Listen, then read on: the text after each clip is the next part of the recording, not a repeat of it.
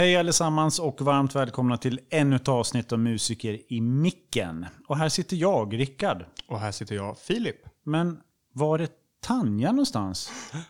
Var är Tanja? Hon är ju inte här, det märkte jag inte. Nej, hon är sjuk. Hon blev sjuk eh, för en liten stund sedan. Känner sig akut dålig. Hoppas vi inte att det är något, något eh, allvarligt. Men hon ville vända på klacken och gå hem. Så det fick hon göra. Ja. Eh, Filip, idag är en speciell dag kan man säga. Har du någon aning om vad det kan vara? Julafton? Ja, det är det ju inte. Men eh, något, du får ett till försök.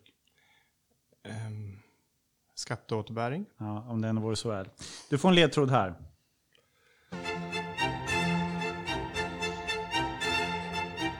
Ett av världens mest kända stycken. Eh, Har du någon, har du någon hum nu? Är det Haydns trumpetkonsert? Nej. Nej, det lät som Vivaldi i årstiderna. Ja, kan det, vara hösten? Hösten har vi aldrig. För idag är det höstdagjämningen. Och den inträdde för eh, cirka en timme sedan. I alla fall när vi sitter och spelar in, kanske inte när du Nej, precis. lyssnar. Eh, höstdagjämningen är en sån här grej som sker faktiskt på minuten. Så nu är det officiellt höst. Eh, vad, jag har ju inte jobbat idag eh, faktiskt. Jag är inte med på den här produktionen. Jag har målat hemma istället. Hur går det Eh, då? Det går bra faktiskt. Jag, just nu målar jag eh, lister och allt som är vitt i hallen. Eh, Wow. Så att, eh, men det är tråkigt, det är tråkigt att eh, sandpappra. Jag gillar inte det. Ja, men du får komma hem till mig och måla. ja, just det. Ja, nej, men jag har, Eh, vi har har fakt- jag har haft en superkul dag. Tyvärr i år så den fantastiska kulturnatten i Norrköping, i alla fall från vårt håll, blir ju lite mer på distans så att säga. Vi spelar in eh, ja, två olika program den här veckan. Dels en Beethovens symfoni som vi eh, inte har gjort än, men sen har vi haft ett fantastiskt kul projekt som några av er kanske minns från en tidigare kulturnatt, nämligen Stomp, Symphonic Stomp, symfoniskt Stomp, som är en eh, otroligt duktig folkmusiker, violinist. Jörgen Antonsson tror jag han heter. Ehm, och en sångerska som heter Sanna. Ehm, Nilsson. Nilsson. Mm. Och en fantast... Eriksson. förlåt. Sanna Eriksson. Eh, otroligt bra. Och en otrolig arrangör. Ganska kast dirigent också. Eh, oj, vad konstigt. Nej, det, det var inte sant. Här sitter För vi har faktiskt en gäst här idag. En av mina absoluta favoritarrangörer. En av Sveriges arrangörskungar. Mr Arrangör Sweden skulle jag Ja. säga.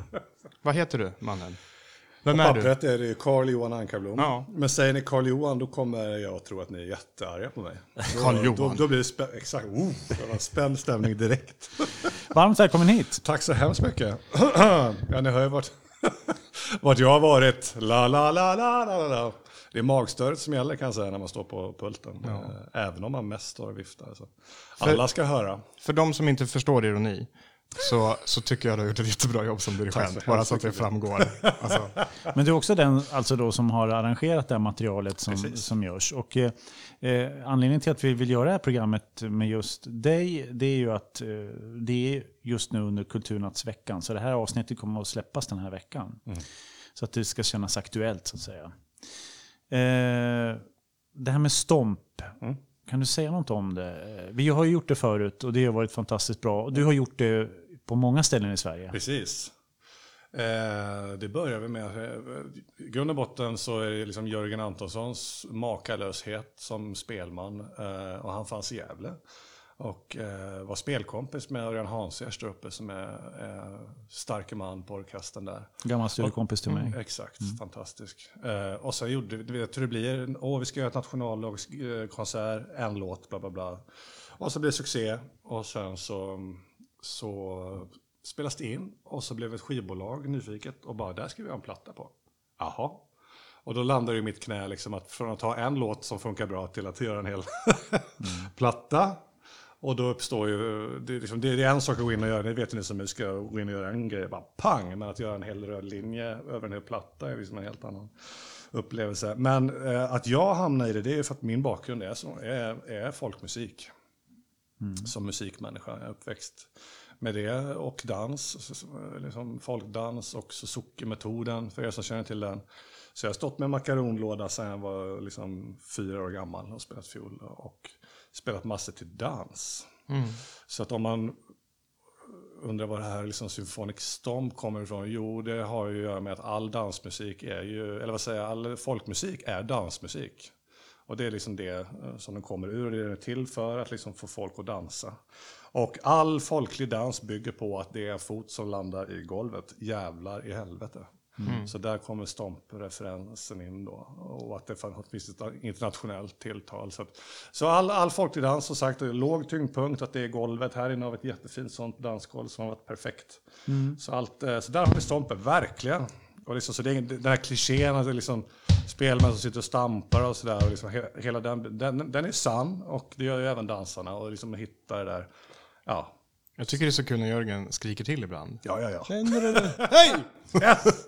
Men, men, Det det men nu när, när vi gör det digitalt så här, tycker jag att det, jag menar, eh, folkmusik är, ju- det är ju väldigt mycket eh, närvaro i det. Också att man har en publik eller man har en, eh, dansare eller vad som helst. Men nu är det ju tomt. Så, Ja. alltså, hur känner du? med Jag det? brukar ju skoja. Jag tror när det fanns te telefonkataloger så stod där, hade jag lite på skoj och lite blotta mig själv och mitt fokus. Det stod det applåddesigner. Eh, och det är ju det, den instinkten ligger väldigt nära mig. Jag tror jag ni hör i alla arr och sådär. att Liksom, det finns ett, ett publikt tilltal. Jag skriver för mig själv men jag gillar det där. Så att eh, vi pratade om det igår över pizzan på kvällen. Att eh, alla mina arr och allt är byggt att krama liksom, effekt ur publiken. Och inte ha den där, hur ska det gå? Liksom? Och sen har det visat sig då att eh, det gick väldigt, väldigt bra. Jag är förstås orolig att orkestern kanske inte skulle liksom tända till så som de visade sig göra. Det var otroligt ingen- svängigt alltså. Verk, var ingen energibrist. Så tack publiken. Nej, nej då, men det, det är för att orkestern är så otroligt professionell. Men, men eh, det är absolut gjort för publik. Och en gång har vi gjort det för några år sedan, då, då hade vi dansande publik till och med. Och det var det ju kul. fantastiskt även för orkestern. Ah, det är det här det är till för. Okej. Då fick de se dansen och liksom. Så att, men, men ja, det har gått Vi, bra. vi, vi har ju spelat eh, länge nu utan publik. Det var ju tomt i salen. Eh, Filip, kan du inte påminna oss hur det låter Ja, när just, det. vi publiken... har en ny liten apparat här. Ja, härligt. Ja. ja, lju- ljuva, ljuva tongångar. Men du är ju från Gävle, Rickard. Jag Så är från du- Gävle. Jag, jag reagerar på, eh, Jörgen, är han från Gävle eller bor han? Han är från, om jag inte minns fel, han är från Mörtsjö i Hälsingland. ah, okej. Så han är Men han bor i Gävle. eh, han, han är musikansvarig på Folkteatern i Gävle. Ja, så är det. Så jag brukar säga att han har svensk folkmusiks bästa jobb. Han, de har ju folkmusikprofil där. Så han, han bor i lägenhet 80 meter från porten till Folkteatern och så skriver han fantastisk musik. Och är där och jobbar. Och, och ibland är med och spelar, ibland är han bara supervisor. Liksom och så så han, han har en fantastisk tillvaro där på Folkteatern. Det är verkligen, jag rekommenderar alla att gå och titta på den här, gå in och titta på den här Kulturnattskonserten. För att jag tror att spel, jag tror spelglädjen kommer komma fram. och det, är- det är grymt snyggt alltihopa. Han är, det är en otroligt, du, jag tycker du verkligen har lyckats arrangera in det, det finns ett brett symfoniskt, nästan filmiskt tonspråk utan att det blir för mycket eller för kitsch. Nej. Och det, det, du lyckas balansera på den här tunna tråden. Att det, det, folk kommer verkligen digga det utan att det blir för lätt, lättköpt. Exakt. Jag minns en konsert för massor med år sedan. Jag ska inte nämna vilken, för att det är inte, det är inte schysst mot dina kollegor. Eh, Men det var en väldigt framstående orkester som spelade ett program med lite popartister och sånt där. Och så var det tre, fyra olika arrangörer. Och alla var väldigt bra. Men när man satt där och lyssnade så var vissa av arren bara... Orkestern lät så mycket mer. Och så hörde man saker och ting. Och sen tittade jag i programmet efteråt och det var dina arr. Jag tycker du lyckas med att... Du vet... Du, du lyckas skriva väldigt luftigt. Du vet vad man ska fokusera på. Och så låter du alltid instrumenten spela i registren där de klingar som bäst. Absolut. För man kan lätt läsa någon bok där det står att ja, trumpeten kan spela från den här tonen till den här tonen. Det kanske den kan, men det är de, den här halva oktaven där man får det man vill. När det är starkt eller så vidare. Men har du gjort det här mycket medvetet eller har du bara en naturlig fallenhet för arrangörskonsten? Eh, Det är 25 års slit framför datorn hemma och i huvudet. Eh, Jag har alltid varit duktig på att gå, det är det bästa man kan göra, gå på rep.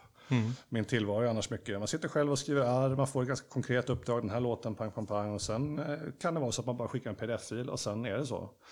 Men, men jag ville alltid gå på massa rep för fortfarande man lär sig någonting varje gång.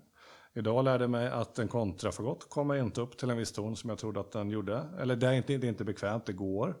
Men, men just det där, jag, jag vet ju att mina arr blir bäst spelade om de ligger i ett register där musiken kan kontrollera uttrycket. Som de var inne på, det står i boken att ja, nu för tiden står det att en trumpet kan pressa upp till ett högt E till exempel. Men det kanske han kan göra en gång och det är full bläster och kanske inte full kontroll och det är nerver och bla bla bla. Alla sådana här, jag brukar tänka att mina arrangemang är musikernas arbetsmiljö. Och det tänker jag även på mig själv som dirigent också. Jag är musikernas arbetsmiljö. Hur var, det att, hur var det att börja dirigera? För det har du väl inte gjort hela vägen? Eller? Nej, det har jag gjort eh, i, i de, de här projekten därför att jag känner att jag har någonting att säga då. Jag skulle aldrig ställa mig och inte eh, veta exakt vad jag vill. Så säga. Det känns jätteviktigt. Eh, Där känner jag att jag står på. Sen är det dirigerat livslång komple- komplexitet som är, man kan prata länge om. Men just här så var det just det här med, med folkmusikelementet och det här orkestrala.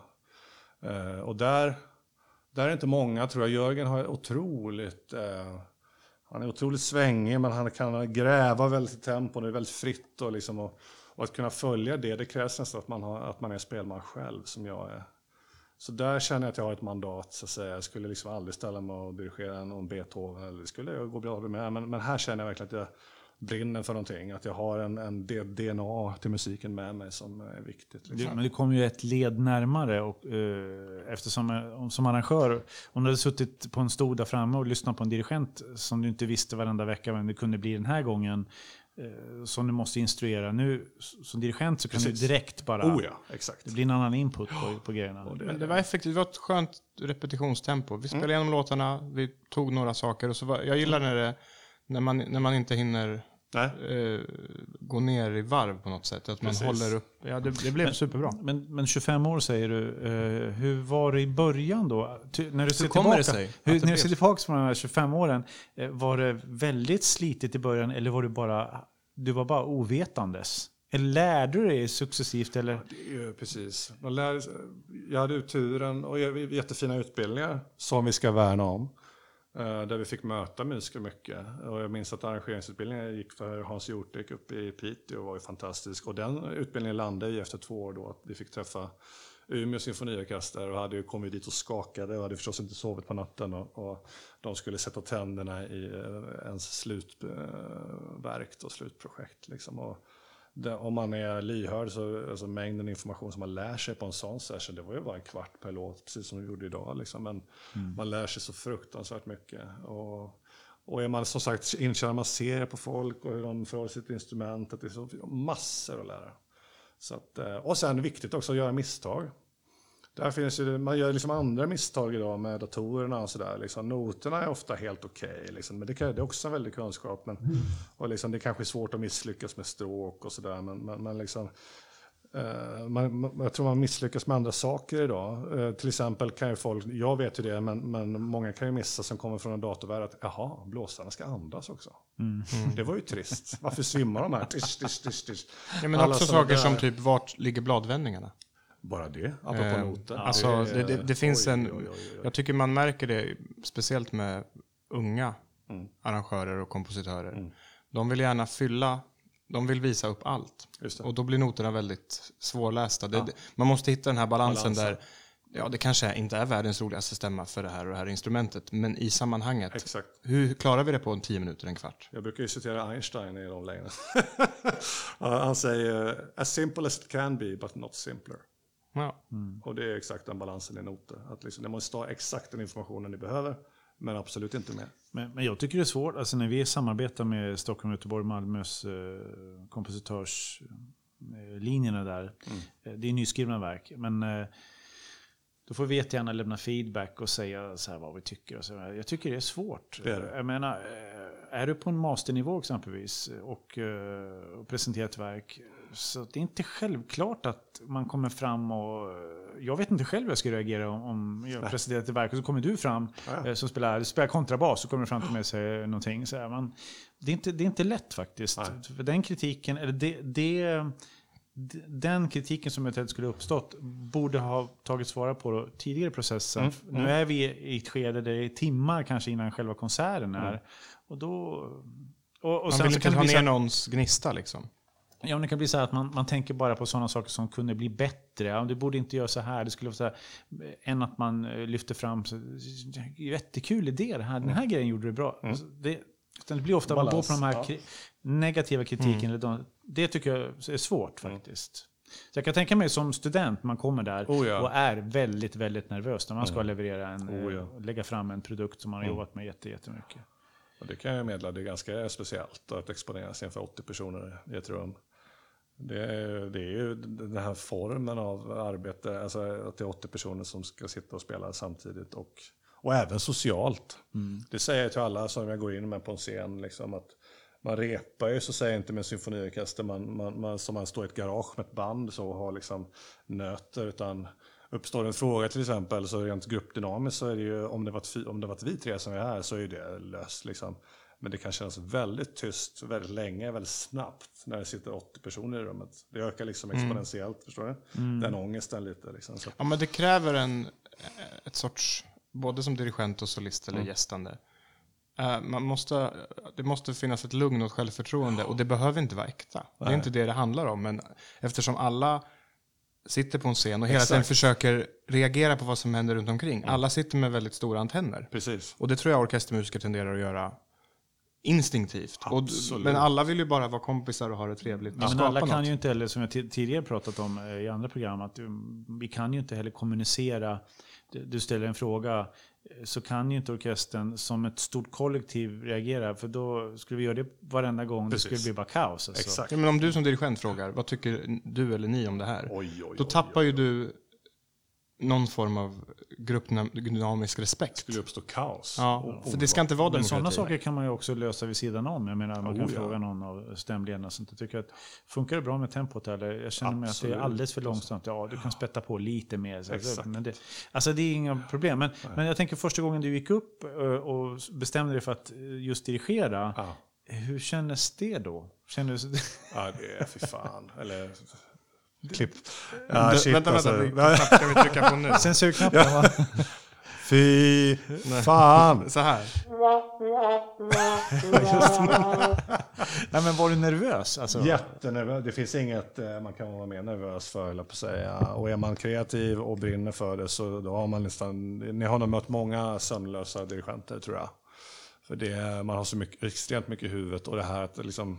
Jag brukar skoja och säga att dirigera, det är ju som att ha sex offentligt. Alltså det är, man exponerar sig så fruktansvärt, upplever man själv. Liksom. För ska man stå som dirigent, alltså spela kan ni ju. Ni behöver fan ingen dirigent för att spela.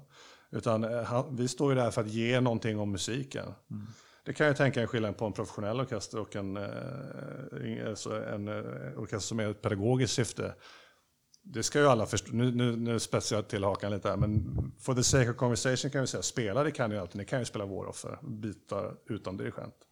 Jag tänker att dirigenten, nu får ni fylla i här, men jag tänker att dirigenten ska ju komma och vara musiken, ge energin musiken och vara vad den ska vara. Inspiration. Inspiration. Och lite precis. infall, alltså vicka på axeln precis innan någonting händer. Exakt. Så att det blir en energi. För om man försöker göra det i stunden, då Ja. är det redan för sent. Precis. men, finns, men, men framförallt som vi, jag tror att kanske jag har sagt någon gång att, att en, dirigent bör, en dirigent bör ha en målbild. Precis. Bör, vet personen vad, vad den vill åstadkomma, Mm. då, då kan man acceptera i stort sett vad som helst.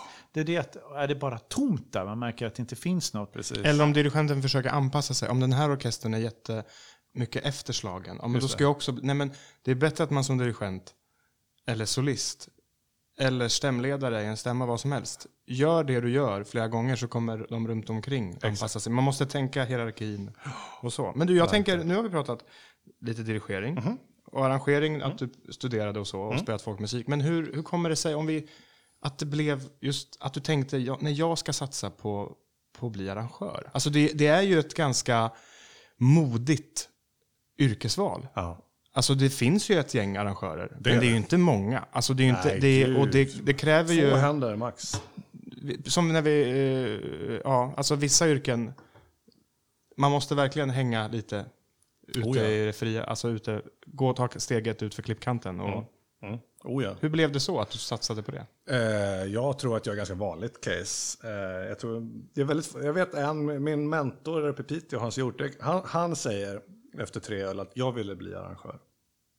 Och det är ganska ovanligt. Jag tror de flesta arrangörer är kompositörer i grund och botten. Som har visat sig ha en fallenhet för effekt och för hela hantverksbiten. Och liksom, det finns ju massor med folk som kan om vi kanske är tio stycken som en symfoniorkester vågar ringa när det gäller så, säga, så skulle jag säga att det finns 300 som kan skriva ett helt fantastiskt arrangemang. Men hur, sna- hur lång tid skulle det ta? Eh, Exakt, Det om de lite- får tid på sig och, och bla bla bla. Så det är, att vara arrangör är liksom en, en, man är en maskin på många fronter, rent logistiskt bara. Det här som du är inne på med stämskrivningen och kunna formulera sig så, på ett sätt som orkestern förstår från noten och bla bla bla. Det gick jag igång på lite. Det fanns ju en anledning till att Donizetti kunde skriva 20 operor per år. Han hade ju Ja, hittat men- vissa ja, men vinnande knep. Eh, eh, Rätta mig om jag har fel, men någonstans så handlar det om fantasi. Du måste ju ha en otrolig fantasi. När jag, jag säger eh, eh, eh, Blinka lilla stjärna, eh, då tänker du direkt att... Blinka. Alltså, du, du måste direkt få en idé som gör att Oh ja. du kan... Annars om du ska gå hem och sätta dig... Nu ska vi se här, det börjar alltså på tonen D här nu. Men det måste vara skönt, även om det är en otroligt enkel, simpel, banal melodi man ska arra, så måste det ju vara skönt att ha en liten, en liten fyrkant och, och måla kring. Det är Alltså, jätteviktigt. Jag skulle, jag skulle aldrig våga mig på att komponera. Just för att jag skulle aldrig känna vart grunden ska komma ifrån. För den måste vara egen och då börjar man eh, försöka... fy fasen. Alltså även om man är tonsättare, Ja. bara tonsättare, inte arrangör. Det måste ju vara mycket skönare, tänker jag, att kunna, ja men nu ska jag skriva ett långt körverk på den här hymnen från 1100-talet. Bara för att eh, få bygga kring något. Liksom. Men, men eh, du, eh, har du skrivit... Eh, skriver du även egen musik? Ja, ja, det händer, men allt för sällan. För jag, jag har ju förmånen att vara så fruktansvärt upptagen. Så att, men vi har spelat en låt här idag som är min egen till exempel. Vilken av dem var det? Schottisen. Den, den var, jag tycker den var bra. Det var, det var riktigt kul. Vad roligt. Så, att det är ju, så när jag är färdig med ett arr, då, är, då ligger det nära till hands att ploppa på en DVD-film och slappna av och, och däcka. Liksom. Men, men som sagt, alla arrangörer är tonsättare i grunden. Och jag åkte väl till Piteå tror jag för att skriva min egen musik. Och sen så visade sig, hej Hasse, att den läraren var så fruktansvärt bra. Och sen så började jag, ju verkligen gått the hard way. Jag började ju, jag är ändå så pass till åren så, att, eh, så det var inte så många som var så duktiga på de här notprogrammen då. Eh, Men det blev jag. Vad var det för program då? då? Finale, det använder jag fortfarande. It's ancient. Men, Jag gillar Sibelius. precis. Får man säga det? Eh, Det får man, det är okej. Men jag har hört några arrangörer, det finns något annat program nu som många gillar att använda. Dorico. Ja, det, är det bra? Det är framtiden. De har haft förmånen att kunna utgå från de här två äldre programmen och bara, ja. vi tar det Jag tycker det är bästa. konstigt att det inte finns något bra notskrivningsprogram för touchscreens. Riktigt än. Det är på gång. Ja, för det, det, det borde... Men om, så här, utan- du får inte ge, ge, berätta för mycket yrkeshemligheter. Men om du jämför, jag vill inte fråga dig hur lång tid tar det att göra ett arr i snitt, för då kommer de kräva mindre betalt. Det kan de inte. Nej, men skillnaden också. när du, om vi, om vi låtsas ett standard-arr, en poplåt som skallas för orkester, ganska tydlig form och så här. Nej, ja, tre minuter. Hur mycket mer tid tog det för dig att göra när du var färsk ut ur skolan? Och nu, efter så många års erfarenhet? Och tre gånger så mycket kanske. Ja. Och jag kan vara helt ärlig, du kan inte leva på det här om du inte fixar det på en dag. Nej, exakt. Det tror jag. Så du måste kunna klara nästan vad som helst på en, eh, och då menar jag inte åtta timmar, det kan ta längre. Det är därför vi är så trötta, vi arrangerar ofta. Men, men vi lever på att, och det finns en kreap på det här med ramen du var inne på. Det finns något positivt med den här, vi lär oss att älska, det tror jag, det kan ni musiker känna igen, det är den här positiva stressen. Att det finns en ram, det måste vara klart då, det här är uppdraget, kan man pang, inte- pang, pang, liksom. Flo- hålla på för mycket. I Precis. kanterna. För det, det tror jag ni märker också när arrangör haft för mycket, som vi skojar, feeling.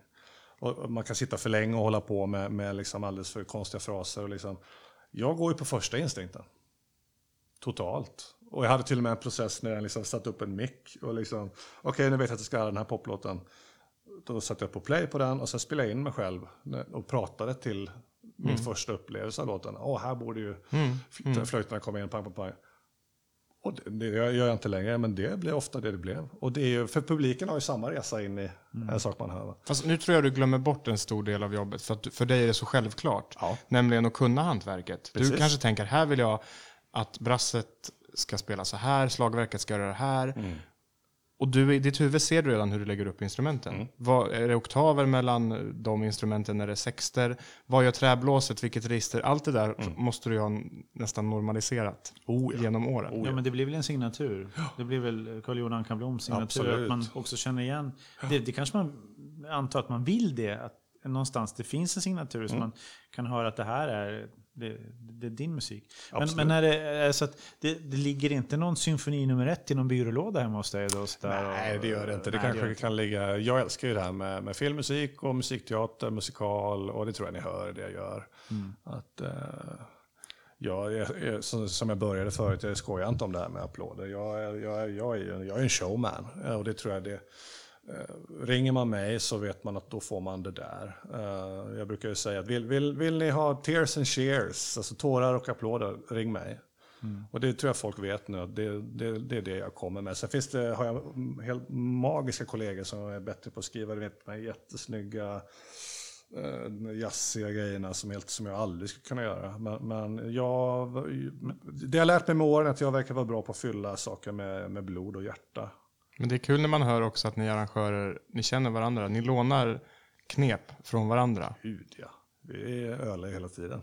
Jo, men, Eller väldigt, tyvärr väldigt lite för vi hinner aldrig ses, men när vi gör det blir det väldigt kul. ja, men sist du, var- när vi gjorde Stomp för två år sedan så åkte vi tåg hem och då pratade vi om att du hade väldigt mycket Hans Ek-trumpetstämmor. Och nu pratar vi alltså om inte den norrländska Hasse Nej, Hjortbek, precis. utan Hans Ek. Fantastiska Hans Erik. Mycket. Yes. Ja, Ja, precis. Gud. Och det är lite sånt i, Oh, ja. idag. Men jag alltså, det funkar superbra. Det Men, det men, du är, men du, är, du är romantiker i botten då? Rent, eh, Absolut. Men hur kom, hur kom det sig? Du, du är från Mönsterås ursprungligen? Ja, jajamensan. Ja. Ser du? Han har gjort sin... Ja, ja, Ja, like ja, ja, men det var inte... Jag är inte lika rädd som Marcus Vetas. Jag, känner- jag Nej, det skojar var, lättare, att- det var lättare att hitta grejer om Marcus Virta. Eh, eh, faktiskt. Det var ganska Kär svårt att, att, hitta något om det. Men, men, eh, men jag vet det. Men jag, jag har jobbat i Oskarshamn. Gjorde Ah, jag på kul. 90-talet.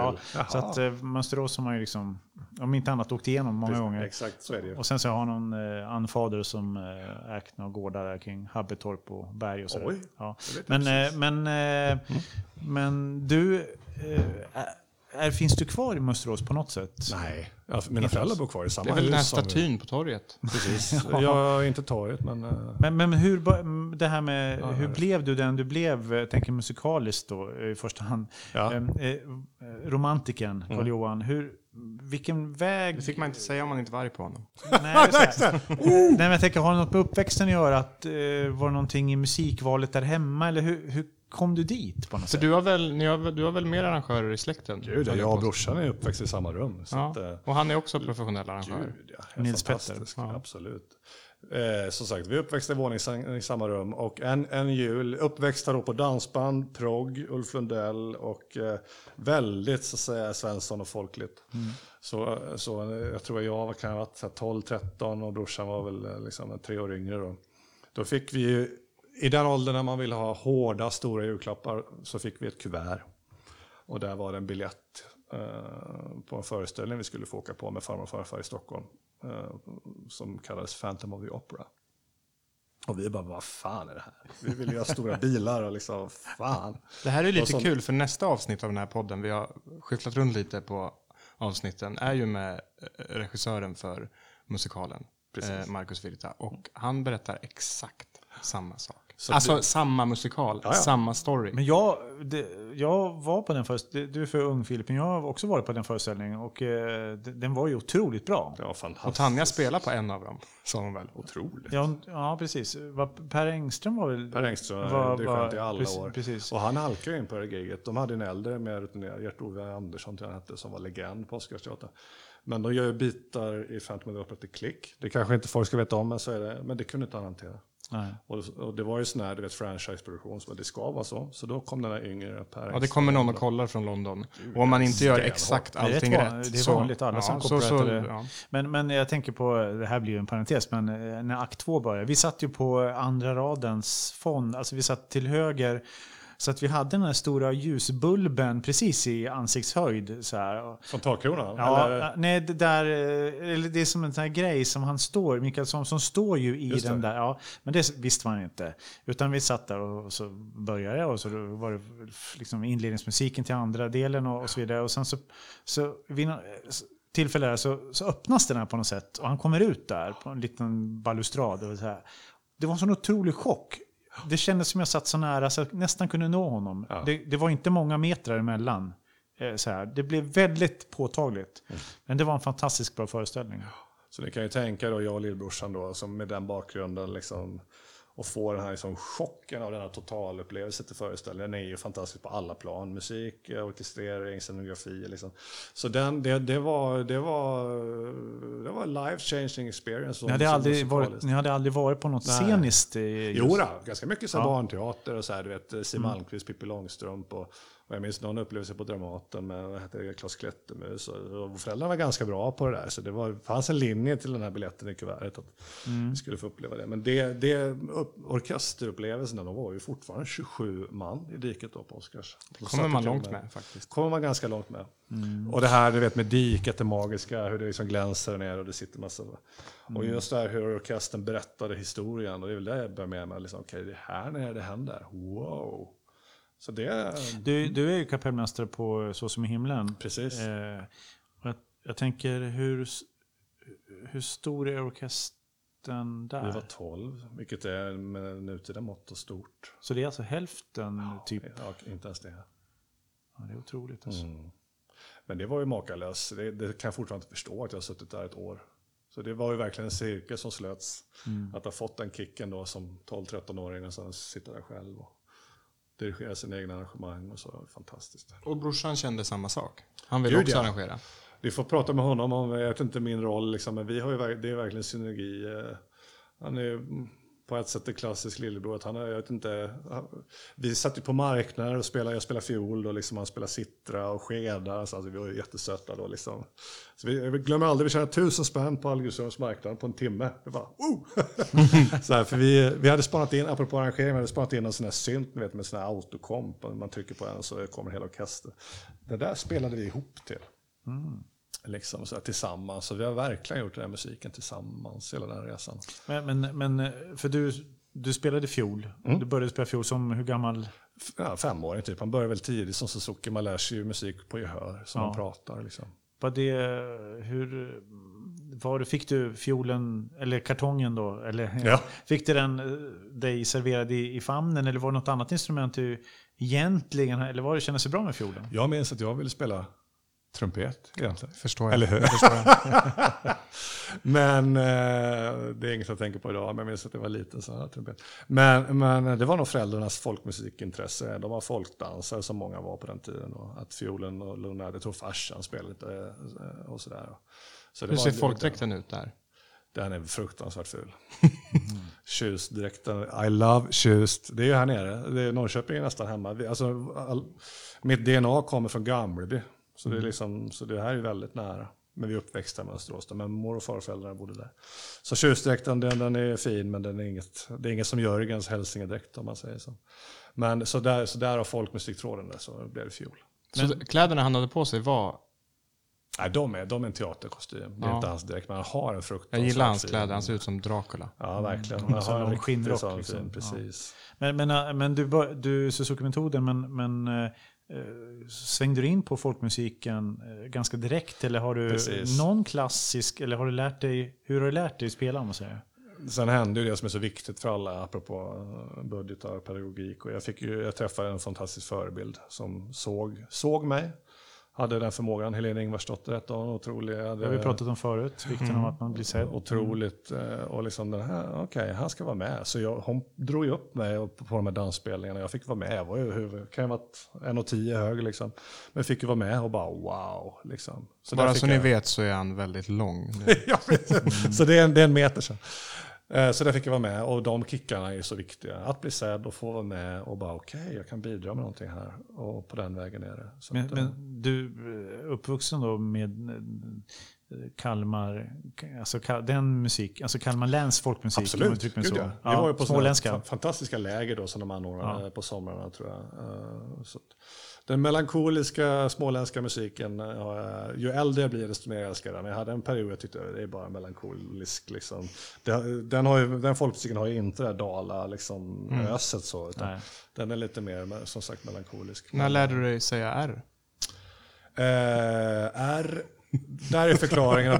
Båda dina föräldrar är från Gamleby, som sagt. Ja. Så där är det ju R. Ja, de pratar inte, pratar inte så hemma. li- Liksom.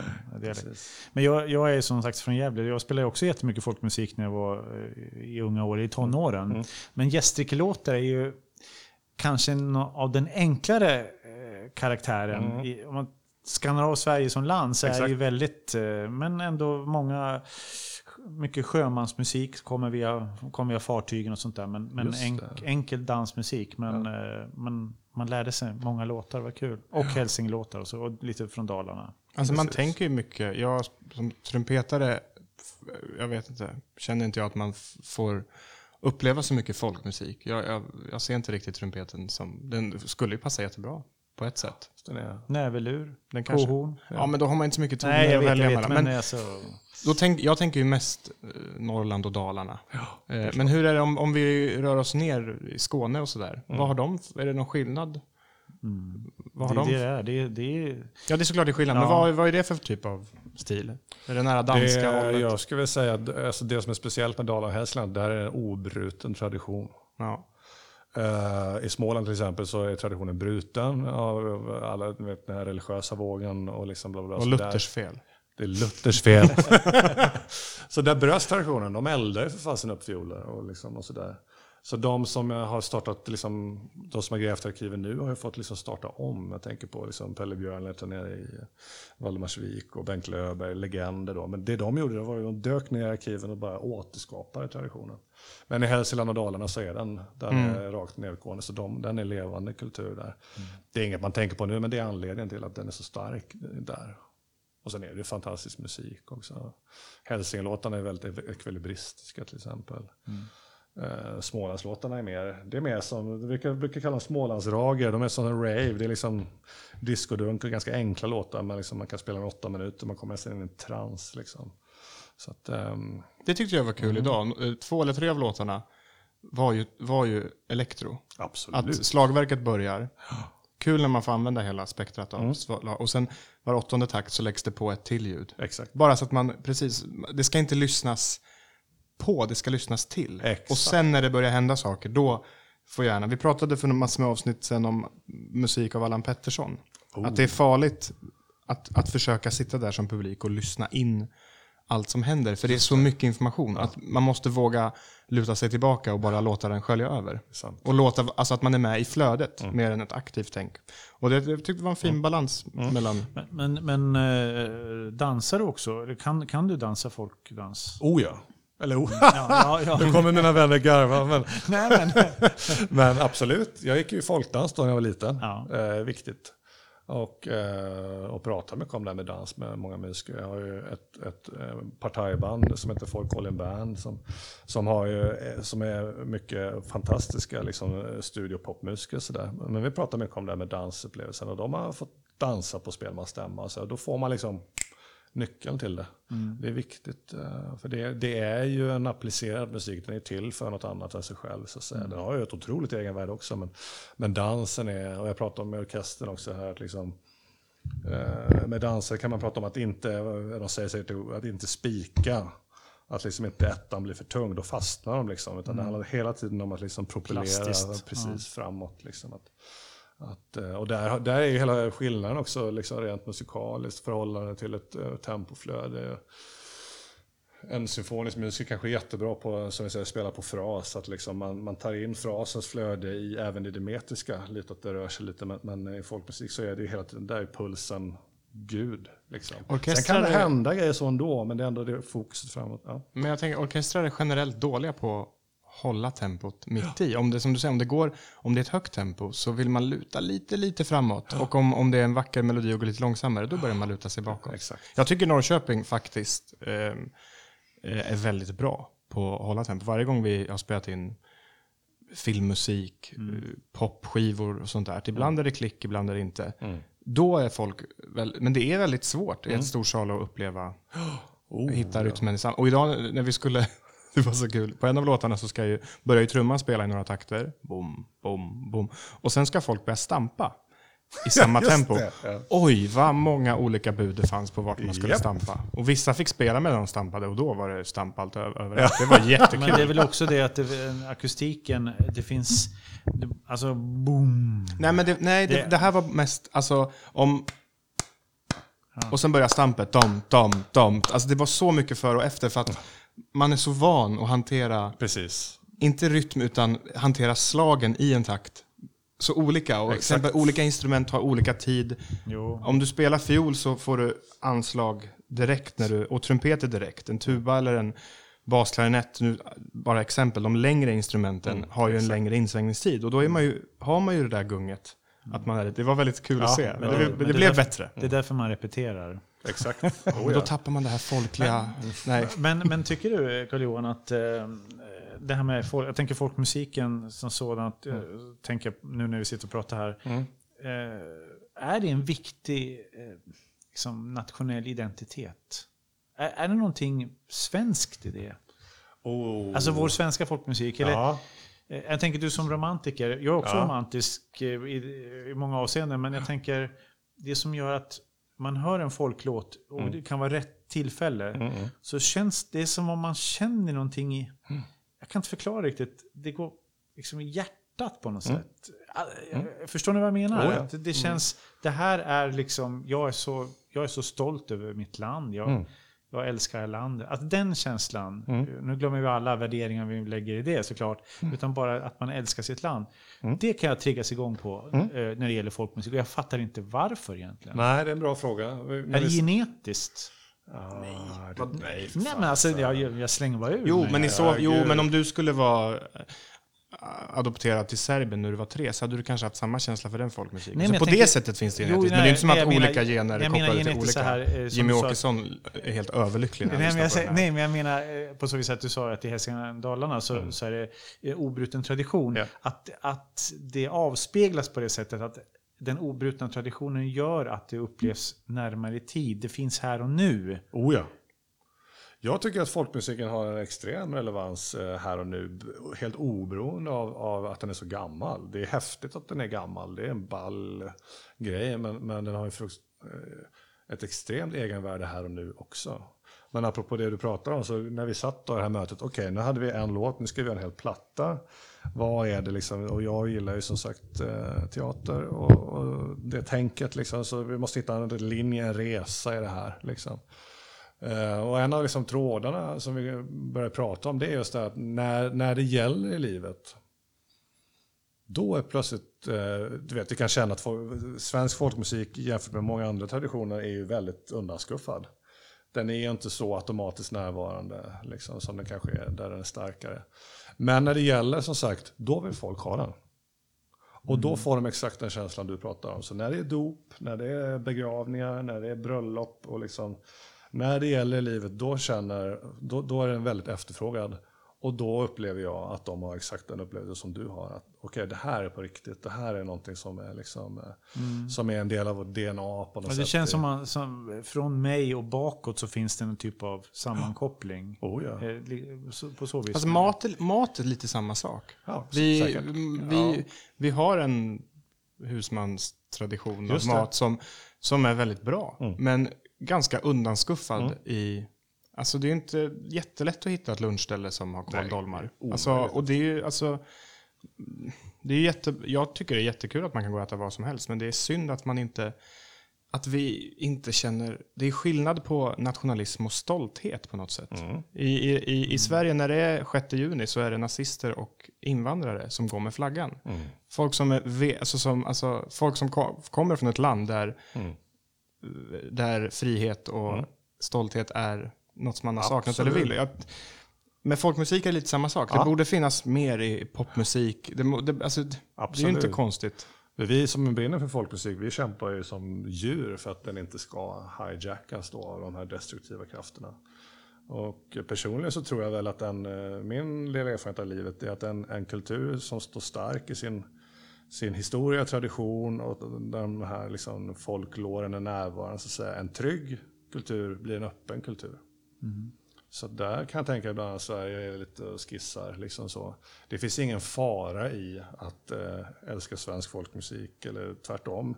Jag tror att det skapar en väldigt trygghet och när den tryggheten finns då öppnas allt. Det har jag sett i allt tycker jag. Att så fort det finns en stark liksom, eh, ryggrad i det man vet var man kommer ur och bla bla bla. Den tryggheten skapar en öppenhet. Och den tycker jag folkmusiken står för. Liksom att, eh, Men det, det är någonting också i, i låtarna, eller i tonspråket. Mm. I, i, som vi har sagt förut när vi pratade om våra ursprung, så jag är ju halvitaliensk. ah, Och min mamma från, som kom från Italien, hon...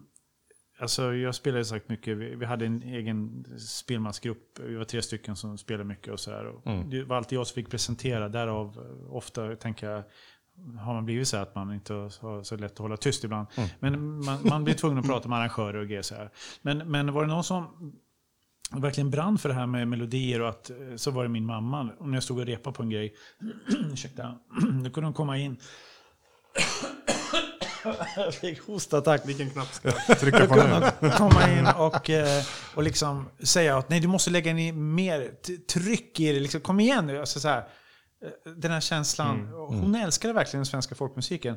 Så att på så vis är det inte, inte genetiskt i den avseendet menar jag, utan det är mer Nej, jag, jag, filosofiskt. jag, jag bara Eh, Utan att, att det griper an, även om du inte kommer från det här landet, Mm. Eh, så griper an, melodin går rakt in. Ja. Och de, det är mycket moll, mycket moll i folkmusik. Och det, det är kanske avspeglar just det här ändå nordiska det, det finns ju någonting där. Oh ja. De som kom hit för första gången för länge, länge, länge sedan. Ja. De hade inte så himla kul. Nej, det var kallt som tusan och kanske inte fanns någon mat. Ja, men det, det finns där. Oh ja, borta. det gör det. Och det, det, Men det är också kul när man säger att man pratar om folkmusik som något så här, ja det gamla. Alltså m- 85 procent av det en symfoniorkester spelar är ju otroligt mycket äldre. Eh, oh ja. Men det är ingen som går runt och tänker på oss som någon sorts konstigt museum. nej, men, det, men eller- folk, folk, folkmusiken... ja, men du, Ut härifrån! du Carl-Johan, är ju, du är ju en eh, förnyare. Alltså inga, inga konstarter ska ju stå stilla. Då, Nej, nej, då är det ingen konstart, utan eh, det förändras ju över tid. Och, och du är ju en sån... Fast eh, sådana där levande statyer då? Va? De Ja, ska ju stå. Ja, men du är en sån här som är med och, och förändrar folkmusiken. Mm. Eh, Såklart så finns det en, en skala på detta. Oh ja. Mm. Några är traditionalister, men några är progressiva. Men någonstans så flyttas ju hela skåpet lite grann hela tiden åt sidan framåt. Exakt. Så Och måste ska så göras. Så, så, har det gått till, så har det gått till i alla tider. Eh, Så jag förstår faktiskt inte de som... För hade museilägret liksom fått bestämma, då hade ju musiken låtit som den lät då efter istiden. Alltså, eller hur? Va? Jag bara, oh, oh, Okej, och det hade varit fantastiskt det med. Fast lite trummor och blås på det. Exakt. Så det är klart att, alltså by definition, så är det klart att den måste, annars hade vi aldrig hamnat där, där de vill vara, museifolket heller. Så, att, så som jag ser det så är den utvecklingen, den här kedje eh, evolutionen så att säga, den är ju folkmusik. Det är ju det som är grejen. Den sker ju hörsmässigt då. Eh, Men den får gärna ske lite gradvis. Så den att- sker automatiskt gradvis. Ja, precis. Men jag tänker på inom klassisk konstmusik. Oh. Eh, så, så hä- händer det ju alltid, alltså det kan vara John Cage och New York-skolan eller måndagsgruppen här. Alltså, det, nu är vi så trötta på det här, nu ska vi göra ett enormt steg. Och då Just blir det, det. polariserat. Ja. Alltså, det är lättare att övertyga någon. Gradvis förändring Så. märks ju inte på samma sätt. Men det kan vara för att det är en skriftlig eh, eh, kultur, så att säga. att eh, folkmusiken är ju hörsbaserad, så det blir automatiskt långsammare. För, för er som inte håller på med folkmusik kan det vara fantastiskt att, att se då i notböcker liksom, ja, här har den här eh, spelmannen, han minns en fras från en fest i Finland för ett halvår sedan. Han tror att han minns låten, det tror han, men det gör han inte. Så när han har spelat den som han minns den, då har det blivit en annan låt. Ja, Men det är som de här, vad pratar vi om? Något avsnitt? I, i, i, Iliaden. Alla de här. Det var ju något det. som gick som man mindes inom, det var ingen som skrev ner det. Nej. Så den har ju såklart ändrats längs vägens gång. Oh, ja. Men, men folkmusiken om hundra år, vad tror du? Vad kommer den... Jag tror den här kärnan som du är inne och pratar om, den eh, tror jag benhårt på kommer. Eh, för den, eh, jag är helt med där. Det finns en kärna där som bara går rakt in i hjärtat. Så den kommer överleva. Eh, och jag tror på ett sätt finns det en vinst. Bara det vinklat sett till en publik, alltså ju mer exotiskt den blir så tror jag att det kommer att liksom, för den, eh, om man tittar nu på den här streamkonserten så kommer är ju min eh, målsättning i alla fall att man ska få en upplevelse av den här urkraften som vi sitter och pratar om nu. Och du har hela det tonspråket finns på plats där. Att det, liksom, det tror jag kommer, kommer alltid klara sig. Sen rent på pappret så är ju musiken sparad, den finns ju inspelad och så.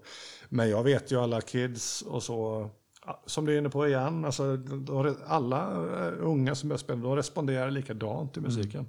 Att det här, yeah this is the shit. Liksom. Men fötterna börjar ju röra på sig. Det går inte att komma ifrån. röra att på sig. Och sen, sen faktiskt ska vi inte heller glömma, eh, jag menar, eh, Melodifestivalen och allt sådär.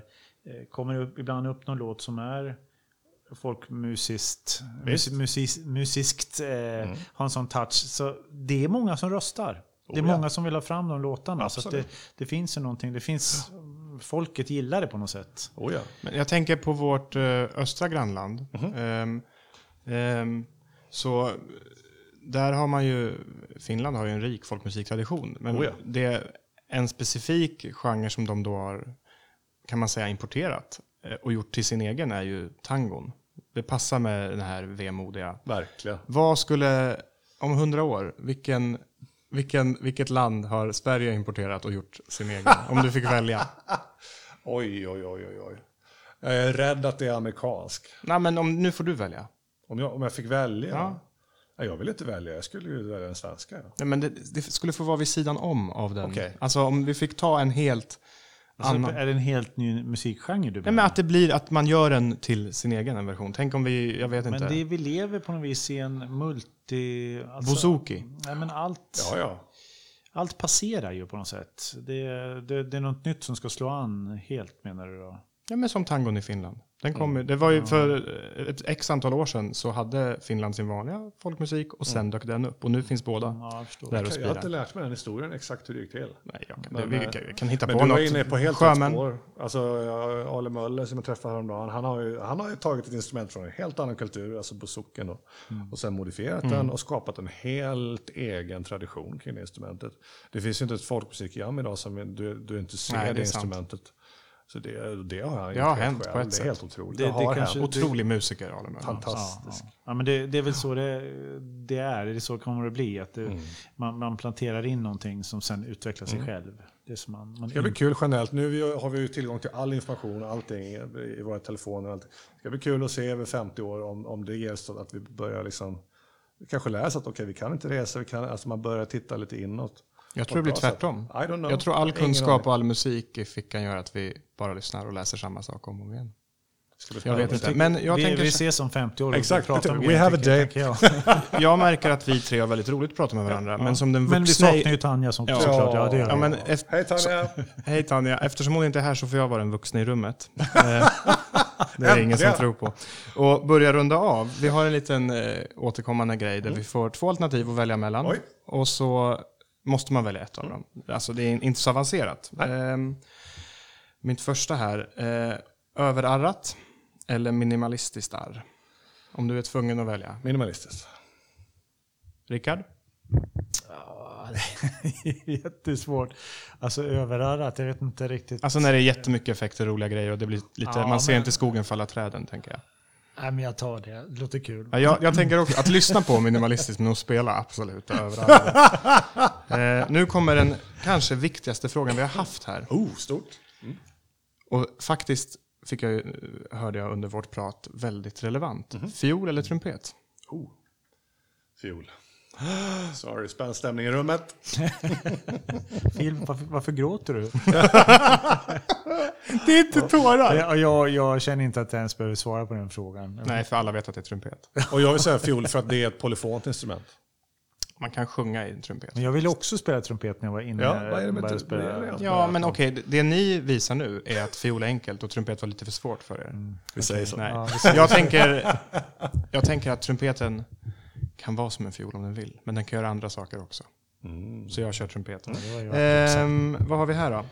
Eh, ja, eh, eh, liten kammarorkester eller super, super stor symfoniorkester? Oj, det var svårt. Jag säger superstor symfoniorkester och heck of it. Ja, jag säger liten kammarorkester. Den här hade vi faktiskt första gången vi gjorde det här. Det var stråkorkester eller symfoniorkester. Ja, så var det. Och jag sa symfoniorkester för där finns en stråkorkester som man kan använda. Och jag så stråkorkester då. ja. Ja. Ja. men du har jobbat i Kamrat. Ja, men det är någonting där ursprungliga, det rena på något sätt. Ja. Mm, Okej, den sista. Också något som vi redan har nämnt lite grann. Måste välja en. Eh, Nordman eller Roger Pontare?